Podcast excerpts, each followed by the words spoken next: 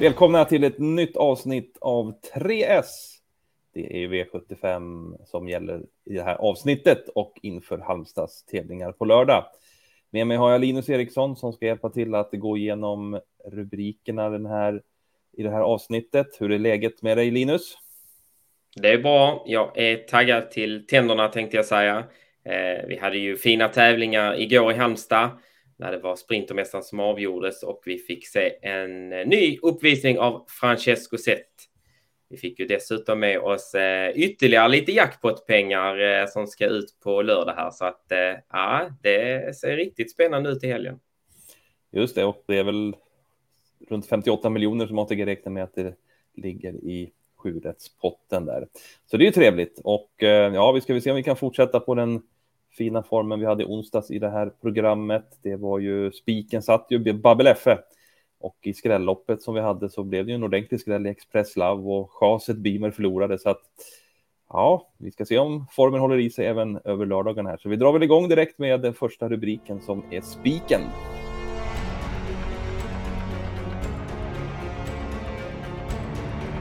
Då ska vi se vilken avdelning vi landar i. Du får berätta direkt här vad vi ska gå till för lopp, Linus. Vi går till V75 4 och eh, på den i nuläget eh, klara favoriten. Eh, och han lär väl också vara så, men eh, det tycker vi är befogat.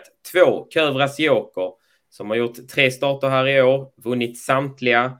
Samtliga segrar har också dessutom sett ut på samma vis. Det är spets och slut och eh, det är det scenariot vi också ser imorgon. Härligt. Är, det, eh, är han spetsfavorit direkt?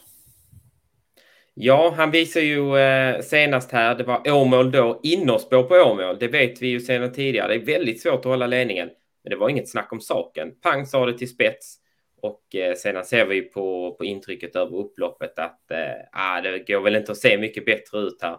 Det var visserligen inte det tuffaste motståndet, men eh, intrycksmässigt så, så eh, fick man ju känslan av att han hade kunnat springa några sekunder snabbare. Så att eh, toppform, läge för ledning, kanske bästa hästen i fältet. Att, eh, mycket mer kräver vi inte av en jackpot-spik. Nej, då eh, sätter vi punkt för den här rubriken och eh, har ju klart med spiken då alltså, två Kövras Joker. Så då ska vi gå vidare till nästa rubrik som är skrälloppet.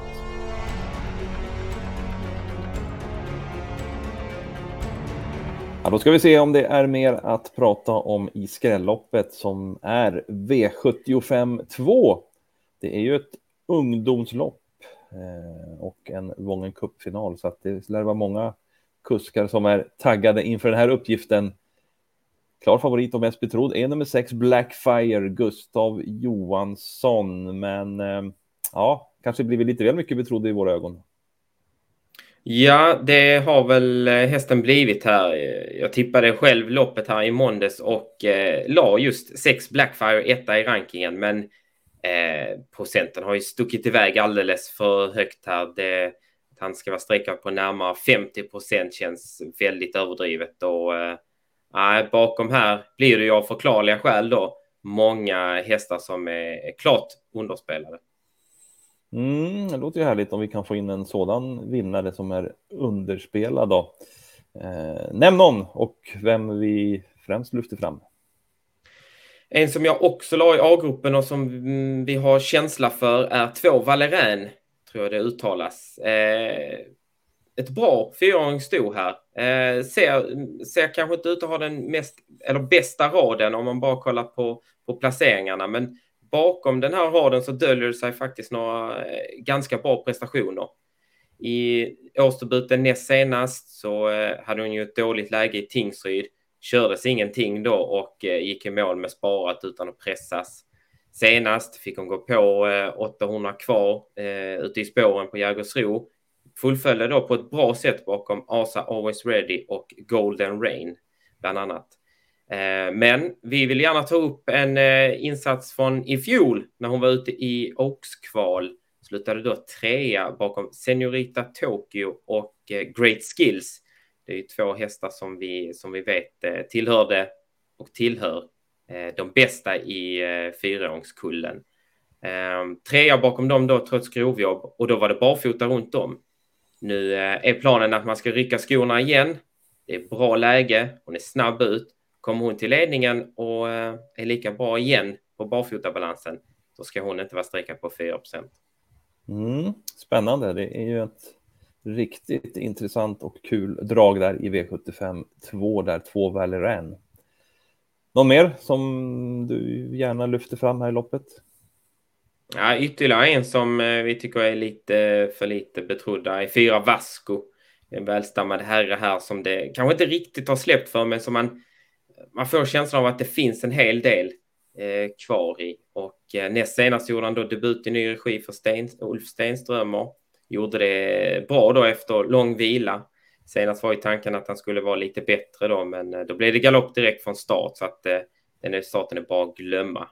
Nu eh, blir det då eh, här eh, tredje starten. Eh, har fått två genomkör i sig och nu sätter man dessutom på amerikansk jänkarvagn som har fått fler hästar att tända till så att fyra Vasco får man inte heller glömma.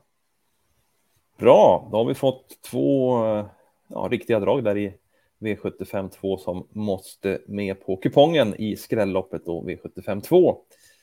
Återstår då en rubrik i det här eh, programmet och det är ju chaset.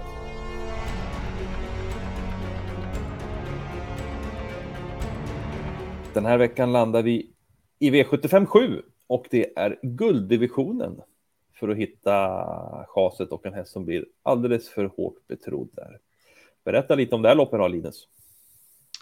Ja, det är en ganska öppen och eh, fin gulddivision här. Det är väl inte de allra värsta kanonerna, men det får man ju sällan på sommaren när det är en vanlig gulddivision så att säga. Men öppet lopp här där vi tycker att ett emoji eh, har fått lite för mycket streck och att eh, ja, vi är kanske inte så sugna på att betala för honom. Nej, han ligger väl eh, ja, klart högre i i eh, spellistan än vad vi har rankat han. Vi tror väl på en hel del andra hästar före honom i, i rankingen. Ja, precis. Om vi då tar emoji så rankar vi honom sexa. Han är i nuläget eh, tredjehandare i loppet och det säger vi som sagt är fel. Um, det man ska tänka på med emoji att uh, han gjorde flera bra insatser i fjol. Alltså fin ut även senast vid spetssegern. Men det är klart mycket tuffare nu. Det är första gången i gulddivisionen. Han har innerspår och han kan öppna, eh, men det är snabbare hästar han möter nu och en sådan som till exempel 8 Night Brodde har vi sett öppna visslande snabbt. Eh, även från spår 8 om vi tar till exempel starten i eh, Olympiatravet där han faktiskt spetsade från just spår 8. Så att eh, är inte säker på att Emoji håller upp och även om han skulle lyckas hålla upp så kommer det nog kosta en hel del och när han då möter tuffare hästar här, ja, då är vi lite skeptiska till att han ska vara så här pass hårt betrodd. Mm. Vad säger du om favoriten då, 11 Admiralas som eh, galopperade i Elitloppsförsöket och eh, sedan var femma i Oslo Grand Prix. Där. Mm, rätt favorit enligt oss, men eh, det är lite samma här. Vi, vi har väl ingen jättekänsla för att det är en häst man går rakt ut på. Tycker det finns lite mer att bevisa, även om eh, vi vet att Eh, eller känslan är att han kan bli en, eh, en bra häst även om man säger för eliten. Men eh, krångligt läge, en häst man inte litar fullt ut på som kan galoppera och ja, många och runda helt enkelt. han sträckas men vi kommer att gardera. Känns som att det kan bli ett sträckkrävande lopp det här i avslutningen. Ja, det är ju frågan hur man gör rent speltekniskt här ju. Det, det är ju flera hästar man känner kan vinna.